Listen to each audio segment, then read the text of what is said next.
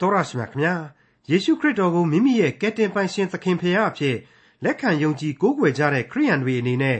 နိုင်ငံရေးနဲ့ဘာသာရေးကိုဘယ်လိုခွဲခြားသိရှိနားလည်ထားသင့်တယ်ဆိုတဲ့အကြောင်းအရာအစုံအလင်ကိုဒီကနေ့တင်ပြရသောတမန်ကျမ်းအစီအစဉ်မှာလေ့လာမှာဖြစ်တဲ့ခရိယန်တမန်ကျမ်းဓမ္မသစ်ကျမ်းပိုင်းတွေကယောမဩဝါဒစာအခန်းကြီး73မှာတွေ့ရမှာဖြစ်ပါတယ်။ကမ္ဘာတိုင်းနိုင်ငံအသီးသီးမှာအုပ်ချုပ်မင်းလုပ်နေကြတဲ့သူတွေ အစိုးရအဖွဲ့တွေဘာကြောင့်တည်ရှိနေပါသလဲပြည်သူပြည်သားတွေအနေနဲ့ဘယ်လိုအစိုးရမင်းမျိုးရဲ့အာဏာကို နာခံသင့်တယ်လဲ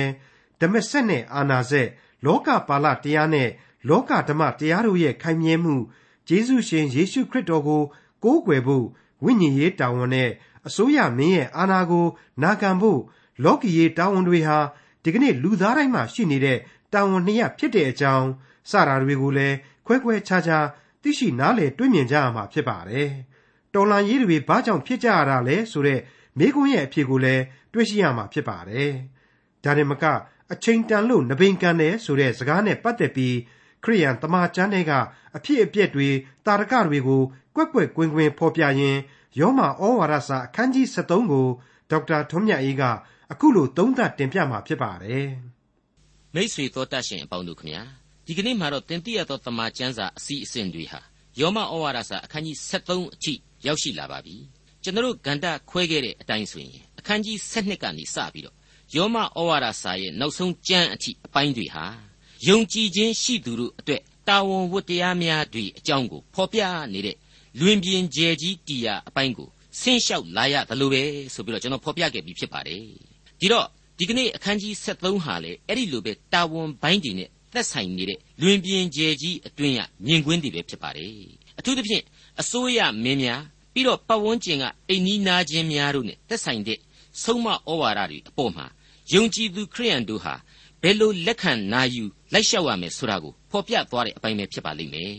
လူလောကမှာဆိုရင်အစိုးရမင်းဆိုတာမရှိဘဲနဲ့လူအဖွဲ့အစည်းတစ်ခုကိုထိမ့်ချုပ်ထားဖို့မလွယ်ပါဘူးဖျားသခင်ဟာဓမ္မစက်နဲ့သူကိုယ်တိုင်ရှေးကာလကဣသရေလကိုအုပ်ချုပ်တော်မူခဲ့တယ် အဲ့ဒီအချိန်မှာတခြားဖန်ဆင်းကံလူအဖွဲ့အစည်းတွေမှာတော့ဘယင်စနစ်တွေအသီးသီးတည်ရှိနေခဲ့တယ်အဲ့ဒီနိုင်ငံတွေဟာဣသရေလလိုဘုရားသခင်ကိုမသိခဲ့လို့နတ်တွေကိုသာကိုးကွယ်ခဲ့ကြတယ်စိကပ်ခဲ့ကြတယ်ဣသရေလကတော့ဘုရားသခင်ကနေတဆင့်ဗျာဒိတ်တော်တွေပြည့်ညတ်တော်တွေနဲ့ဝတ်ပြုကိုးကွယ်ရာတဲတော်ကိုသာဗဟိုမန်တိုင်ပြုတ်ပြီးတော့ယစ်ပရောဟိတ်မင်းများနဲ့သာအုတ်ချုပ်စေခဲ့ခြင်းကိုခံခဲ့ရတယ်ဆိုတာကျွန်တော်တို့ရှင်းနေအောင်မြင်ခဲ့ရပါတယ် ဒါပေမဲ့ဒါကိုဣသရေလလူမျိုးတို့ဟာဓမ္မစက်ကိုကျွန်တော်တို့တော့မကြိုက်တော့ပါဘူးခမညာဆိုပြီးတော့ဖျားသခင်ကိုအတင်းအကျပ်တောင်းဆိုတော့မှဖျားသခင်ဟာတရားသူကြီးတွေနဲ့အုပ်ချုပ်ရေးစနစ်ကိုအရင်ဆုံးချထားပေးတယ်အဲ့ဒီကမှတခါရှင်ဘရင်တို့နဲ့အုပ်ချုပ်တဲ့စနစ်တွေကိုလူသားတွေရဲ့စိတ်တိုင်းကြပြောင်းလဲပြီးချထားပေးသနာခဲ့ပါတယ်ဒါပေမဲ့အဲ့ဒီလိုအုပ်ချုပ်ရေးစနစ်တွေကြားမှာပဲယစ်ပရောဟိတ်တွေပရောဖက်တွေနဲ့ဆက်သွယ်ပြီးတော့ သူ့ရဲ့အလိုတော်ကိုသိနာလေနိုင်ဖို့အတွက်ဗျာဒိတ်တော်တွေကိုတော့ဆက်လက်ပြီးတော့ပေးသနာထားခဲ့တယ်အဆက်အသွယ်ဖြတ်မပစ်ခဲ့ဘူးဆိုတာကိုကျွန်တော်ဆက်လက်တွေ့မြင်ခဲ့ရပါတယ်ဘယ်လိုပဲပြောပြောအုပ်ချုပ်တဲ့အစိုးရအဖွဲ့ဆိုတာကတော့မျက်မှောက်ခေတ်ကာလမှာလည်းမပြတ်တမ်းတည်ရှိနေပါပြီအဲ့ဒီလိုနိုင်ငံတော်အာဏာအားဖြင့်လူသားတို့ရဲ့မြို့ပြနဲ့နိုင်ငံတော်များကိုအုပ်ချုပ်မှုဆိုတာဟာလေအလွန်အမြင့်တွယ်နေပြီလို့ကျွန်တော်ရှင်းရှင်းပဲပြောနိုင်ပါတယ် အခုယောမဩဝါဒစာကနေပြီးတော့အစိုးရမင်းများနဲ့ပတ်သက်တဲ့အကြောင်းတွေကိုအထူးပြုလာတော့ဒါဟာအလေးအနက်စဉ်းစားဖို့လိုလာပြီလို့ကျွန်တော်ဆိုချင်ပါတယ်ခရစ်တော်ကိုယ်တိုင်ဟာအစိုးရမင်းအပေါ်မှာဘယ်လိုသဘောထားမျိုးထားရှိတယ်ဆိုတာကိုရှင်လုကာခရစ်ဝင်ကျမ်းနဲ့ကိုးကားကြည့်လိုက်မယ်ဆိုရင်တော့ကဲသာဘယင်ဤဥစ္စာကိုကဲသာဘယင်အားဆက်ပေးလော့ဖျားသခင်ဤဥစ္စာကိုကဖျားသခင်အားဆက်ပေးလော့ဆိုပြီးတော့ခရစ်တော်ကိုယ်တိုင်နှုတ်မွက်ခဲ့တာကိုကျွန်တော်တို့ကြားခဲ့ရပါတယ် ရှင်လုကာခရစ်ဝင်ကျမ်းအခန်းကြီး20အငယ်25မှာဒါကိုပြန်လှန်စစ်ဆေးကြည့်ရှုကြပါဒါဟာခရစ်တော်ကိုယ်တိုင်ကလောကမှာအစိုးရမင်းများဟာရှိကိုရှိရမယ်ဒီအစိုးရမင်းများကိုလည်းလူအဖွဲ့အစည်းဟာပြန်လဲပြီးတော့ဒီတာဝန်ခံပေးရမယ်အစိုးရမင်းရဲ့အမိန့်ကိုနာခံပေးရမယ်ဆိုတဲ့အချက်ဖြစ်ပါတယ်ပြီးတော့တခါအစိုးရမင်းဆိုတာဟာဘုရားသခင်ကအတီးပြုတ်ပေးထားတာပဲဆိုတာကိုတွယ်ဝိုက်တဲ့နီးနဲ့ကဘာဦးကျမ်းအခန်းကြီး9 အငယ်6မှာအခုလို့ကျွန်တော်တို့တွေ့ကြရပြီးဖြစ်ပါတယ်အကျဉ်သူသည်လူဤအသွေးကိုသွန်းဤထိုသူဤအသွေးကိုလူလက်ဖြင့်သွန်းရမည်တဲ့ဒါဟာပြန်လဲပေးဆက်ခြင်းဥပရိသကြီးတစ်ခုကိုလူအဖွဲ့အစည်းအတွင်းအခိုင်အမာပြဋ္ဌာန်းပေးလိုက်ခြင်းဖြစ်တယ်လို့တစ်ချိန်သောကာလမှာလူတွေလူတွေရဲ့လူသားတွေရဲ့သေတိုက်သောအပြစ်ရဲ့အဖို့အခါကိုခရစ်တော်အားဖြင့်ပေးဆက်စေဖို့ကြိုတင်ကြေညာလိုက်ခြင်းဖြစ်တယ်တစ်ချိန်တည်းမှာပင်လျှင်လူအဖွဲ့အစည်းမှာ အာနာဆိုတာဟာတီးရတယ်အာနာကိုကျင့်သုံးတဲ့တရားဥပဒေကိုလက်တွေ့အကောင့်ထဲပေါ်တဲ့အဖွဲ့အစည်းသို့မဟုတ်အစိုးရဆိုတာရှိကိုရှိရမယ်ဆိုပြီးတော့ဘုရားသခင်ကိုတော်တိုင်ဖော်ပြလိုက်ခြင်းလို့ကျွန်တော်တို့ခံယူပါတယ်ဒါအပြင်ရှင်ပေါလုကနေပြီးတော့တိမောသေဩဝါဒစာပထမစာဆောင်အခန်းကြီး2ရဲ့အစမှာဖော်ပြတာဟာလေအလွန်ကောင်းမွန်တဲ့အဆုံးအမတစ်ခုပါပဲငါတို့သည်ဖျားဝတ်၌မွေးလျော်ခြင်းလျှောက်ပတ်စွာကျင့်ခြင်းအမျိုးမျိုးကိုပြု၍ငြိမ်ဝတ်စိတ်ညံစွာနေရမည်အကြောင်း ရှင်ဘရင်မှစ၍မင်းအာနာရှိသောသူအပေါင်းတို့နှင့်လူအမျိုးမျိုးတို့အဖို့ဆုတောင်းပတနာပြုခြင်းမေတ္တာပို့ခြင်းကျေးဇူးတော်ကိုချီးမွမ်းခြင်းကိုရှေးဥစွာပြုစေခြင်းဟာငါတိုက်တွန်းသွေးဆောင်၏အကြောင်းမူကားထိုသို့သောအမှုသည်ကောင်းသောအမှုဖြစ်၏ငါတို့ကိုကယ်တင်တော်မူသောအရှင်ဘုရားသခင်နှစ်သက်တော်မူသောအမှုလည်းဖြစ်၏ကောင်းကင်ဘုံရှင်ရဲ့ကျေးဇူးနဲ့ရှင်သန်ရသူလူသားရဲ့တာဝန်ဟာဒီကျေးဇူးရှင်ကိုကိုးကွယ်ဖို့ဝိညာဉ်ရေးတာဝန်အဖြစ်တည်ရှိနေသလို မြေလောကမှာရှင်သန်နေရသူများအဖြစ်လေမြေသားနဲ့ဆိုင်တဲ့အစိုးရမင်းကိုအစိုးရမင်းရဲ့အာဏာကိုနာခံဖို့ဆရာဟာလောကီရေးတာဝန်ကြီးတစ်ခုအဖြစ်တည်ရှိနေတယ်ဆိုတာကိုတူပြိုင်တွေ့နေရပါပြီအဲ့ဒီတာဝန်နှစ်ခုပေါင်းစုလိုက်တဲ့အခါမှာတော့အသင်းတော်ရဲ့နိုင်ငံတော်ရဲ့ဆိုတာဟာခွဲခွာလို့မရနိုင်တော့ဘူးဆိုတာကိုတွေ့လာရပါတော့တယ်နောက်တစ်ခုဒီနေရာမှာသတိပြုရမယ့်အချက်ကတော့ခရစ်တော်ကိုသတ်ခဲ့တဲ့အဓိကခရစ်တော်ကိုမုန်းသူတွေထဲမှာ ဖာရိရှဲတွေရဲ့ကျမ်းတက်တွေရဲ့ဟာအဲ့ဒီအချိန်ကသူတို့ကိုကြုံပြုတ်ထားသူယောမအာနာကိုထောင်ထားခြားနာပြီးနေကြတယ်ယောမလိုမြို့တော်ကြီးမှာကိုသူတို့ဟာဂလန်ကဆန်တွေလှုပ်လို့ Glorious လို့ခေါ်တဲ့ဘုရင်ဟာသူတို့ကိုယောမမြို့ကြီးကနေပြီးတော့နှင်ထုတ်ပစ်ခဲ့ရတယ်ဆိုတာကိုကမ္ဘာသမိုင်းနဲ့ဓမ္မသမိုင်းတွေမှာကျွန်တော်အခိုင်အမာတွေ့ထားရပါတယ်ကျွန်တော်မမေ့ကြသေးဘူးဆိုရင်တမန်တော်ဝတ္ထုအခန်းကြီး78အစမှာဒါကိုရှင်းရှင်းကြီးပြန်ပြီးတော့တွေ့နိုင်ပါတယ် အာကုလနဲ့ပြစ်ကိလာဆိုတဲ့ဂျူးဇနီးမောင်နှံလीယောမကနေအဲ့ဒီ Claudius ဆိုတဲ့စီဇာဘုရင်ကနှင်ထုတ်တာကိုခံလို့သူတို့တမန်တော်ကြီးရှင်ပေါလုနဲ့တခြားမြို့ကြီးတစ်မြို့မှာတွားပြီးတွေ့ကြရခြင်းဖြစ်ပါတယ်အဲ့ဒီအတိုင်းပါပဲ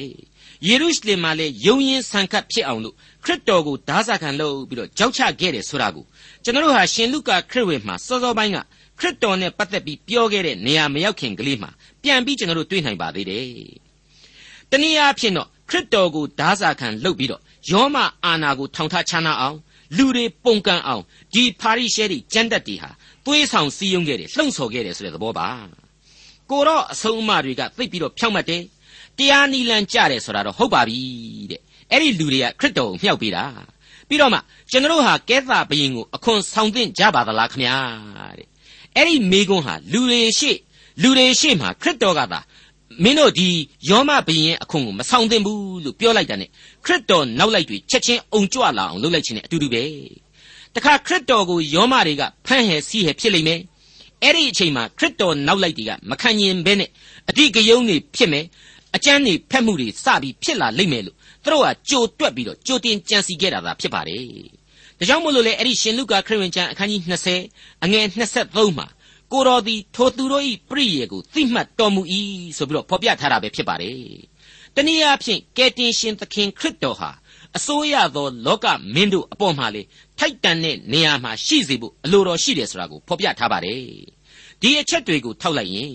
ရှင်ပေါလုရဲ့ဆုံးမဩဝါဒစာတွေဟာခရစ်တော်ရဲ့တန်ရှင်းသောဝိညာဉ်တော်လမ်းပြခြင်းနဲ့အညီအဲ့ဒီခေတ်အခြေအနေပုံစံမှန်ကိုလည်းကောင်းကောင်းကြီးရောင်ပြန်ဟပ်နေစေတယ်ဆိုတာကိုအံ့ဩပွေကျွန်တော်တို့သဘောပေါက်လာပါစေလိမ့်မယ် ခရစ်တော်ကိုယ်တော်တိုင်ရဲ့ယောမဘယင်ကဲသာနဲ့ဆိုင်တဲ့ဥစ္စာကိုကဲသာဘယင်ကိုသာဆက်သလိုက်ကြဖျားသခင်နဲ့ဆိုင်တဲ့ဥစ္စာကိုတော့ဖျားသခင်ကိုဆက်သလိုက်ကြဆိုတဲ့အချက်ဟာလေလူသားဟာမြေနိုင်ငံတော်နဲ့ကောင်းကင်နိုင်ငံတော်ရဲ့ဗဟိုမှာတည်ရှိနေရတယ်ဆိုတာကိုအထူးဖွဲ့နှဲ့နေစရာမလိုအောင်သက်သေထင်ရှားစွာပြသနေပါတယ်အခုအချိန်မှာတော့အစိုးရဆိုတဲ့ခေါင်းစဉ်နဲ့ယောမဩဝါဒစာအခန်းကြီး73ကိုစတင်လိုက်ပါရစေအစိုးရသောမင်းအာနာဆက်ဤအုပ်စိုးခြင်းကို လူတိုင်းဝန်ခံစေအကြောင်းမူကားဘုရားသခင်အခွင့်မရှိရင်မင်းအာနာဆက်မရှိအာနာဆက်ရှိသမျှသည်ဘုရားသခင်ခံထားတော်မူရာဖြစ်သည်ဒီတော့အစိုးရသောမင်းတို့အထက်မှာဘုရားသခင်ရှိနေပြီဆိုတာဟာရှင်းနေပြီမဟုတ်ဘူးလားဘဖျားသခင်ကမိစိန်ပြထားလို့အတီးပြုတ်ထားလို့သာဒီမင်းတွေဟာရာဇာပလင်မော်တက်ထိုင်နေရတယ်ဆိုတာမြင်နေရပြီလေဖျားသခင်အတီးပြုတ်တဲ့ဆိုကြတဲ့က စัจ java လာအာနာတကိုးကိုကင်ဆွဲပြီးတော့မင်းတို့တက်လက်ဆင်းမင်းတို့တက်လက်တက်ကြဆိုလို့တက်ထိုင်နေရတယ်ဆိုတာပေါ်နေပြီဒါပေမဲ့လူဇာတိပဂရိလူတွေကလူဖြစ်တဲ့အဲ့ဒီမင်းတွေနဲ့ဇာတိပဂရိကိုအားပေးတဲ့စာရမဏတ်နဲ့အကြည်လဲဆိုက်သွားကြရောမတရားဖောက်ပြန်မှုတွေဥပရိလက်လွတ်လုံမှုတွေမာမာနတွေဆိုတာဟာအရှုအရှုပေါ်လာပြီးတော့အဲ့ဒီမင်းတို့ဟာအချိန်တန်ရင်နဘိန်ကန်သွားကြရတာကြီးပဲမဟုတ်ဘူးလားနဘိန်မကန်ကန်အောင်ကဘယ်သူလုပ်တယ်လဲဖျားသခင်လုပ်တာပဲပေါ့ ရှင်းနေတယ်လေဟုတ်တယ်မီးစိမ်းပြတာလဲသူမီးနီပြပြီးတော့ဖြုတ်ချပစ်လိုက်တာလဲသူပဲဒီတော့လောကပါဠတရားတဲ့လောကဓမ္မတရားဆိုတာကဒါပို့ပြီးခိုင်ရဲနေတယ်ဖျားသခင်ဟာအစဉ်အမြဲအသက်ရှင်နေတယ်လူအဖွဲ့အစည်းနဲ့စัจ java လာအမြင့်ဆုံးအဆင့်မှာသရဖူဆောင်းပြီးတော့အာနာကိုကင်ဆွဲနေတယ်ဆိုတာကိုလူသားဟာကောင်းကောင်းကြီးနားလည်ထားဖို့လိုပါတယ်မိတ်ဆွေအပေါင်းတို့ခမညာကျွန်တော်ကနဘိန်ကန်နေဆိုတာဟာနွားပိန်ပိန်ကလေးကန်တာကိုပြောတာဆိုတော့ ကျွန်တော်ဥပမာဥပမေယဟာမစီမလျော်မတင့်မတည့်ဖြစ်တယ်လို့မထင်ပါနဲ့အလွန်စီလျော်ပါတယ်နဘိန်တွေအမျိုးမျိုးပဲကန်ခဲ့တယ်ဆိုတာကိုလေရာဇဝင်တွေရာဇဝင်ကျုပ်တွေမှာကျွန်တော်တို့ပြက်ပြက်သားသားတွေ့ရပါတယ်အော်စီဆိုတဲ့ယူဒမင်းကောင်းမင်းမြတ်ကြီးအင်မတန်သဘောကောင်းတဲ့ဘယင်ကြီးလို့ဆိုဆိုတယ်ဒါပေမဲ့ဘုရားသခင်ရဲ့အမှုတော်ကိုသူနဲ့မဆိုင်ပဲအတင်းဝင်ပြီးတော့ဗိမာန်တော်တွေကိုဝင်ပြီးတော့လှုပ်တော့မသိမချင်း leprosy လို့ခေါ်တဲ့နူနာကြီးဆွဲသွားတယ်ပြီးတော့မှသေတဲ့အထိအဲ့ဒီနူနာကြီးဟာ သူ့ကိုယ်နဲ့မကွာပါပါသွားခဲ့ရတဲ့အဲ့ဒီ leprosy နူနာအကွက်ကြီးကလည်းတခြားမှမဟုတ်ဘူးနဖူးတဲ့တယ်မှာလာပြီးဖြစ်တာနဖူးကိုနဘိန်လေးကတက်ကန်လိုက်တယ်ဘာထူးတယ်လေသူ့ဘေးလောင်းတော်ရှောလမုန်ဆိုတဲ့ပညာရှိဘုရင်ကြီးမယားတွေနင့်ကန်ယူပြီးတော့တစ်သက်လုံးညှိနေခဲ့တာသေကန်ပြီးတော့မှဘုရားသခင်ကမင်းကိုတော့ငါအသိပေးရအောင်မဟေဒါဝိဒ်ကြောင့်သာမင်းကိုငါညှားနေတာမင်းသေပြီးရင်လေ တိုင်းပြည်ကြီးနှစ်ချမ်းကွဲရစေလိမ့်မယ်ဆိုတော့သူ့ခမရစိတ်ဆင်းရဲခြင်းနဘိန်ကလေးနဲ့သေသွားရှာတယ်အာဟတ်ဆိုတဲ့ဘုရင်မိုက်ကြတော့ကိုနဘိန်ကန်နဲ့ဘာထူးတယ်လေနဘိန်နဲ့တူတဲ့သူများလက်ဆော့ပြီးတော့ပြစ်တဲ့မြားကသူ့တန်ချက်ကအဝတ်ကြားတဲ့ကိုကြံကြံဖမှန်ဝင်ပြီးတော့ကန်လိုက်တာအသေးစိုးနဲ့သေရယုံနဲ့မကဘူးနဘိန်ကန်နဲ့အနာကထွက်တဲ့သွေးတွေကိုတောင်မှခွေးတွေကဝိုင်းပြီးတော့ရက်တာကိုခံလိုက်ရသေးတယ်တဲ့ဒီတော့အချိန်တန်လို့နဘိန်ကန်ပြီဆိုရင်ဘလောက်ကြောက်ဖို့ကောင်းတယ်လေ အဲ့ဒီမင်းတွေတဲကအောစီသေတဲ့အချိန်မှာဟေရှာယဆိုတဲ့ပရောဖက်ဟာဒီမင်းတရားကြီးတော့သေပါပကောလားတိုင်းပြည်တော့ဒုက္ခပဲဆိုတဲ့စိုးရိမ်စိတ်နဲ့ဝန်လေးပင်ပန်းနေသူတို့အသွားတွင်ဆုံးဖြစ်တဲ့ဗိမာန်တော်ကိုသွားခဲ့တယ်ဖျားသခင်ကိုအဲ့ဒီလောက်အထိဟေရှာယဟာချစ်ခဲ့ယုံတင်မကအာကိုခိုလုံခဲ့တယ်အဲ့ဒီအချိန်မှာတော့အောဇိကသာသေတာဖျားသခင်သည်အလွန်မြင့်မြတ်သောပလင်ပေါ်မှာထိုင်နေတော်မူသည်ကိုငါမြင်၏အဝတ်တော်တစားသည်ဗိမာန်တော်ကိုဖြစ်လေ၏ ကောင်းကင်တမန်သရက်တို့သည်ဗိမာန်တော်ပလင်တော်တစ်ဖက်တစ်ချက်၌ရပ်နေကြသည်ကိုတွေ့ရ၏ဆိုပြီးတော့ဟေရှာယအနာဂတိကျမ်းအခန်းကြီး6မှာဖွင့်ဆိုထားတာကိုကျွန်တော်တို့ကပြန်ပြီးတော့စဉ်းစားလိုက်ရင်လူသမိုင်းမှာသာမင်းပြောင်းမင်းလွဲတွေအကြိမ်ကြိမ်ဖြစ်နေတာဘုရားသခင်ကတော့မပြောင်းလဲဘူးအနန္တကာလသာဝရတကိုးအရှင်ဘုရားသခင်ဖြစ်နေပြီဆိုတာကိုရှင်းရှင်းကြီးကျွန်တော်တို့သဘောပေါက်ထားဖို့လိုပါတယ်ယောမဩဝါဒစာအခန်းကြီး73အငယ်1 ထို့ကြောင့်မင်းအာနာကိုဆန်တော်သူသည်ဘုရားသခင်စီရင်တော်မူရာကိုဆန်တော်သူဖြစ်၏ထို့သောဆန်တော်သူသည်ယာဇဝတ်ကိုခံရမည်ဘလောက်လူအဖွဲ့အစည်းမှကြက်တည်ရှိဖို့လို့ဘုရားသခင်တမင်ပြင်ဆင်ခဲ့ခြင်းဖြစ်တယ်လေ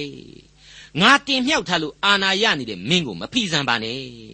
ယာဇဝတ်ဘေးသင့်လိမ့်မယ်အဲ့ဒီလိုလဲကျွန်တော်တို့ကတွေ့ရရောသမိုင်းဝင်တော်လှန်ရေးကြီးတွေနဲ့ပတ်သက်လို့မေးစရာအကြောင်းတွေပေါ်လာပါတယ်ဗြိတိရှသမိုင်းက Oliver Cromwell တို့ အမေရိကန်တော်လှန်ရေးခေါင်းဆောင် George Washington တို့လိုပုဂ္ဂိုလ်ကြီးမျိုးတွေအစိုးရမင်းတွေကိုတော်လှန်အာဏာတွေကိုဖီဆန်ခဲ့လို့ခေတ်သစ်ကြီးတွေပေါ်လာခဲ့ရတာပဲမဟုတ်လားဆိုတဲ့မိကွန်းမျိုးပေါ့အဲ့ဒီမိကွန်းအတွက် James Stifler ဆိုတဲ့သူတေသီကြီးမျိုးကတောင်မှသူ့ဖာသူမိကွန်းထုတ်ပြီးတော့သူ့ဟာသူအုံနှောက်တွေခြောက်သွားခဲ့ရတယ်လို့ဆိုပါတယ်ဒီတော့ဒီသင်သိရသောတမန်ကျမ်းရဲ့ဆရာကြီးဒေါက်တာ J Vernon Mackey ကိုယ်တိုင်ကလေသူလည်းပဲအဲ့ဒီအတိုင်းအုံနှောက်ခြောက်ရပါတယ်ဒါပေမဲ့ အဖြေကိုစ조사ဆူတောင်းပြီးတော့ရှာတဲ့အခါမှာကောင်းသောအစိုးရကိုဘုရားသခင်အတီးပြုတ်ပေးရမယ်ဆိုတဲ့လူအတွေးအခေါ်ကလာတဲ့တော်လှန်ခြင်းဖြစ်ပြီးတော့အဲ့ဒီတော်လှန်ခြင်းကိုလည်းဘုရားသခင်ဟာကောင်းကြီးပေးတယ်အမှန်တကယ်လဲပုံမကောင်းမွန်တဲ့အစိုးရသစ်ဖြစ်လာရတယ်အဲ့ဒီအစိုးရသစ်အတွက်ဘုရားသခင်ဟာအဟောင်းကိုကိုယ်တိုင်ဖြိုဖျက်ပေးလို့သာလေဒီတော်လှန်ရေးဟာကောင်းကြီးမင်္ဂလာကိုခံယူရပြီးတော့အောင်မြင်ခြင်းဖြစ်တယ်လို့သူယုံကြည်တယ်ဆိုပြီးတော့အဖြေတစ်ခုကို ထုတ်ဖော်ပေးနိုင်လိုက်ပါတယ်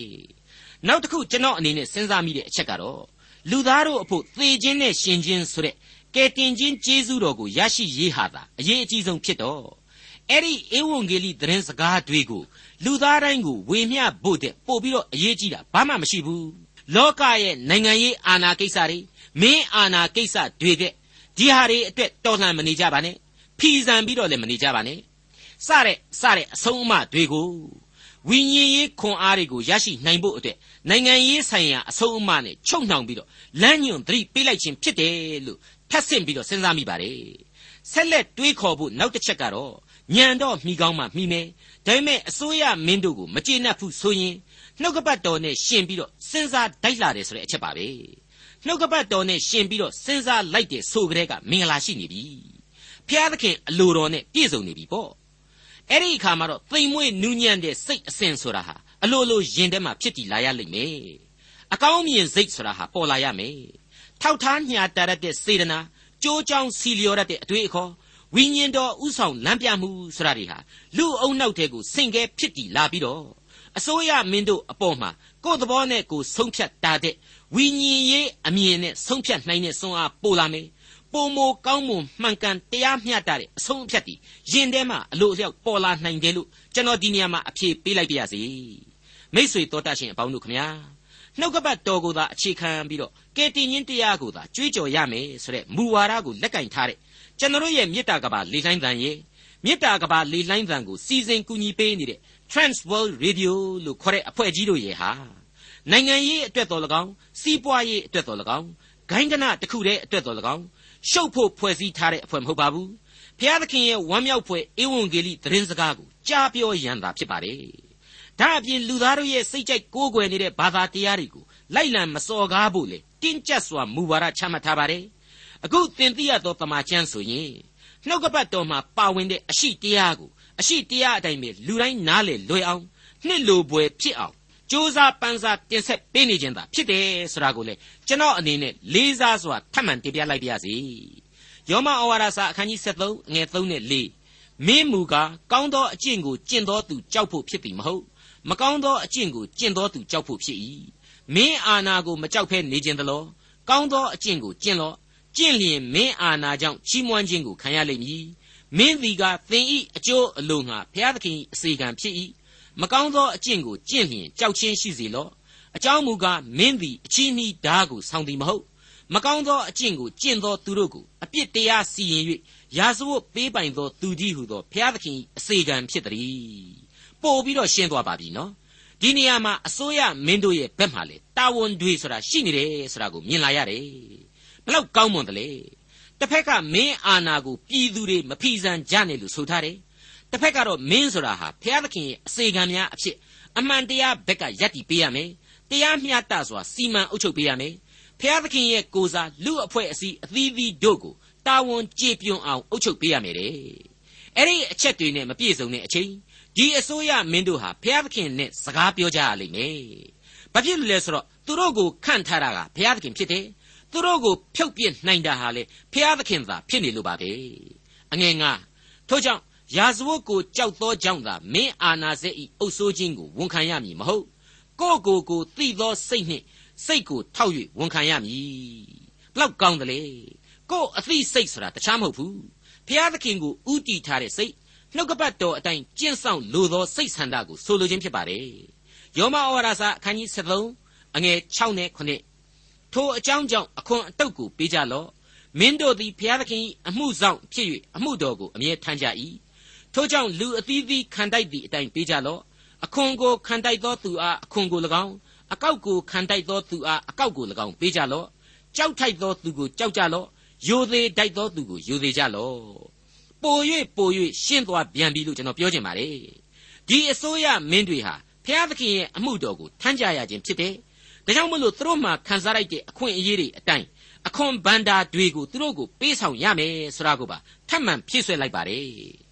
အဲ့ဒီမှာတင်အထက်အထက်ကဖော်ပြချက်တွေအတိုင်းနှစ်ဖက်မျှစွာစဉ်းစားစရာတွေထပ်မံပေါ်ထွန်းလာပါတယ်။ဘုရားသခင်အမှုတော်ကိုအစိုးရမင်းတို့ဘက်ကလည်းအကောင်းဆုံးကြေပြွန်ကြရမယ်ဆိုတဲ့အချက်နဲ့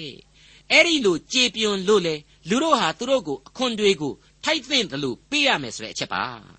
အခုဆိုရင်နိုင်ငံတကာမှာအခွန်အတုပ်ပြဿနာတွေဟာအလွန်များပြားပါတယ်သတင်းစာတွေမှာနေ့တိုင်းဒီအကြောင်းတွေကိုဖတ်နေရပါတယ်အခွန်အတုပ်ပြဿနာဟာဆိုရင် ပါလီမန်တွေအထိတက်လာပြီးတော့အစိုးရတွေကိုတောင်ပြုတ်ကျနိုင်တဲ့အဆင့်မျိုးဖြစ်နိုင်တယ်ဆိုတာလေသတင်းပလင်းဒီမှာအမျိုးမျိုးကျွန်တော်တို့တွေ့ရပါတယ်ခရစ်တော်ကာလရှင်ပေါလုတို့ကာလမှာလေဒီအခွန်အတုပ်ပြဿနာဟာအတော်ကြီးကြီးမားခဲ့တဲ့လက္ခဏာရှိပါတယ်ခရစ်တော်ရဲ့တပည့်တော်ရှင်မသက်ဆိုတာဟာလေအခွန်ခံတယောက်ပဲမဟုတ်ဘူးလားပြီးတော့ဇက်ကဲဆိုတဲ့အခွန်ခံအရာရှိတယောက်ရဲ့ပြောင်းလဲခြင်းကိုလေကျွန်တော်တို့ပမာကျမ်းစာမှာလေ့လာခဲ့ရပြီးဖြစ်ပါတယ်ကြောက်ထိုက်သူကိုကြောက်ရမယ် ယူသေးလိုက်တဲ့သူကိုယူသေးရမယ်ဆိုတဲ့အချက်ဟာလေအမှန်တကယ်လေးစားလိုက်တဲ့အဆုံးအမဖြစ်ပါတယ်ဒီအပိုင်းအရဆိုရင်လေအစိုးရမင်းနဲ့ပြည်သူတို့ရဲ့နှစ်ဖက်စလုံးသက်ဆိုင်တဲ့တာဝန်တွေကိုခွဲထုတ်လို့ရနိုင်တယ်မြင်နိုင်တယ်ဆိုတဲ့အချက်ကိုကျွန်တော်ရှင်းရှင်းကြီးတွေ့လာရပါတယ်အနှစ်ချုပ်အနေနဲ့သေချာစဉ်းစားရင်လောကနိယာမဓမ္မနိယာမတို့အရာအုတ်ချုပ်သူရဲ့အအုတ်ချုပ်ခံသူလူဒန်းစားရဲ့ရှိကိုရှိရမှာဆိုတာကတော့ရှင်းလင်းပြသနေပါပြီအရေးအကြီးဆုံးကဘာလဲ နံပါတ်1နေရာမှာကတော့ဘုရားသခင်ကိုထားကြရလိမ့်မယ်သူ့အလိုတော်အတိုင်းသာစ조사လျှောက်သွားကြရမယ်ဆိုတဲ့အချက်ဖြစ်ပါတယ်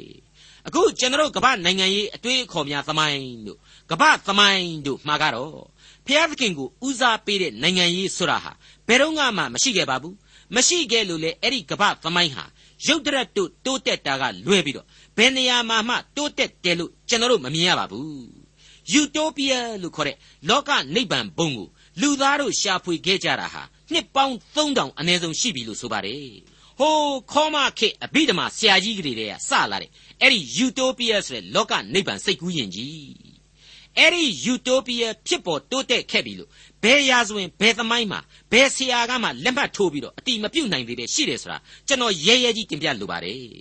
မိတ်ဆွေအပေါင်းတို့ခင်ဗျာအခုအချိန်မှာတော့ကိုနှင့်ဝန်းကျင်ဆိုတဲ့ခေါင်းစဉ်ငယ်နဲ့ဆက်လက်ဖော်ပြခြင်းတာရှိလာပါတယ် ယောမဩဝါဒစာအခန်းကြီး73အငယ်8မှ10ကိုဖတ်ရှုကြည့်ကြပါစို့အချင်းချင်းချစ်ချင်းမေတ္တာမှတပါအဘယ်ကြွေးမျှမတင်စေနှင့်သူတစ်ပါးကိုချစ်သောသူသည်အကျင့်တရားနှင့်ပြည့်စုံပြီးအကြောင်းမူကားသူ့မယားကိုမပြစ်မှားနှင့်လူအသက်ကိုမသတ်နှင့်သူ့ဥစ္စာကိုမခိုးနှင့်မမှန်သောတက်သေးကိုမခံနှင့်သူ့ဥစ္စာကိုတတ်မဲ့လိုချင်သောစိတ်မရှိစေနှင့်ဟူသောပြည့်ညတ်မှစ၍အခြားသောပြည့်ညတ်ရှိသမျှသည်ကိုနှင့်ဆက်ဆိုင်သောသူကိုကိုနှင့်အမျှချစ်တော်ဟူသော ပြည့်ညတ်တစ်ခု၌အပါဝင်ဖြစ်ကြ၏ချစ်ချင်းမေတ္တာရှိသောသူသည်ကိုနှင့်ဆက်ဆိုင်သောသူ၏အကျိုးကိုမဖျက်ဆီးတတ်ထို့ကြောင့်ချစ်ချင်းမေတ္တာသည်အကျင့်တရားနှင့်ပြည့်စုံရာဖြစ်သည်မလေးမနဲ့မဖွဲမရအသုံးချခံရတဲ့ကြမ်းပိုင်းတစ်ခုဖြစ်ပါတယ်ကိုလိုရာကိုဆွဲပြီးတော့ချစ်ချင်းမေတ္တာဆိုတာကိုအတိတ်ပဲဖွင့်ဆိုခြင်းခံရတဲ့ကြမ်းဖြစ်ပါတယ်